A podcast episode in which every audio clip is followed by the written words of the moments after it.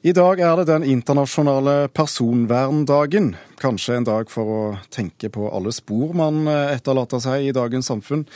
Det har i hvert fall flere begynt å gjøre. En fersk undersøkelse fra Datatilsynet og Teknologirådet viser at nesten halvparten av oss er mer opptatt av personvern nå enn før. Men Sveinung Rotevatn fra Venstre, du mener det gjenstår en del på, på å ivareta innbyggernes personvern, og, og stikker litt til regjeringen her. Hva tenker du på? Det gjenstår veldig mye. Først av alt må jeg si at det er gledelig at flere er opptatt av personvern. Det er ikke så veldig rart, i og med at vi de siste åra har opplevd kraftige innstramminger i terrorlovgivning som følge av terrorangrep i ulike land. Vi har hatt Snowden-avsløringene, vi har hatt datalagringsdebatten med mer.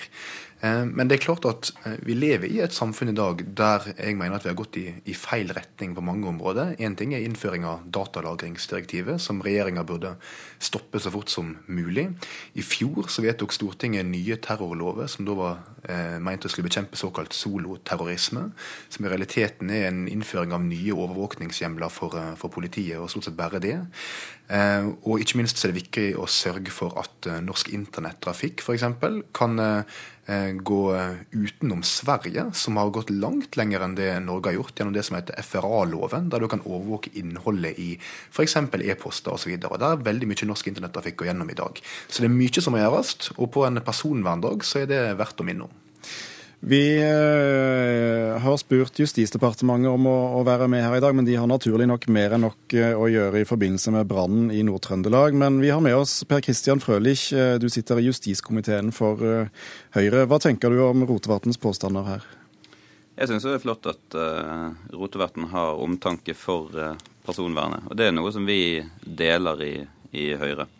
Tradisjonelt sett så har det jo vært et spørsmål som konservative og liberale har vært veldig opptatt av. Altså Personvern i historien er på en måte en kjernesak for, for både, både, Venstre og, og Høyre. Um, så jeg er enig med mye av det han sier. Uh, jeg er ikke enig i at regjeringen sak, sakker akterut i, i arbeidet med å styrke personvernet. Ja, Hva gjør regjeringen for å styrke personvernet?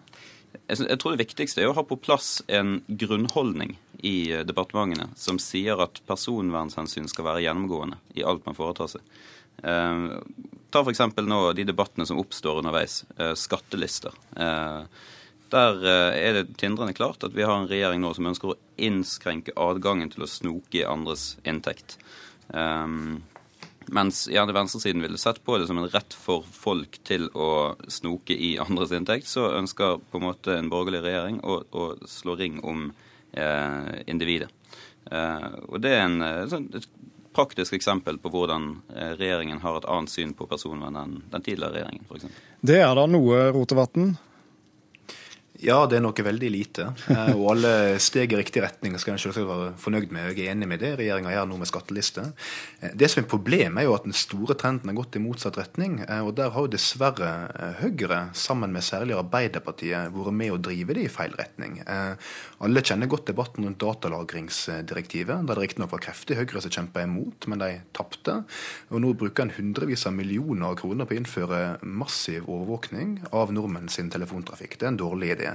Eh, og jeg syns også at regjeringa kunne vært, og det gjelder for så vidt både den forrige og nåværende regjeringa, kunne vært mye tøffere og klarere i møte med USA etter at han har fått eh, klarhet i at det har foregått storstilt overvåkning av eh, populære internettjenester som, som, Facebook, som Gmail, som Hotmail, der nordmenn sitt trafikkinnhold åpenbart har vært en del av det, men der jeg syns det har vært veldig stille fra norske regjeringer i møte med en av våre viktigste allierte. Og jeg synes det at Når vi skal snakke med våre allierte, så må vi også være ærlige om ting som er vanskelig. Eh, når det er personverndagen i dag, så skal vi i hvert fall sette oss ned og reflektere over følgende.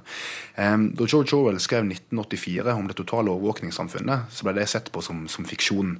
Vi er, vi er, ikke der i dag, men vi kan havne der. For det, det, er ingenting teknologisk som står i veien for det. Og da trenger en politikere som hver eneste dag spør seg Trenger vi denne overvåkninga? Trenger vi denne nye lovgivninga?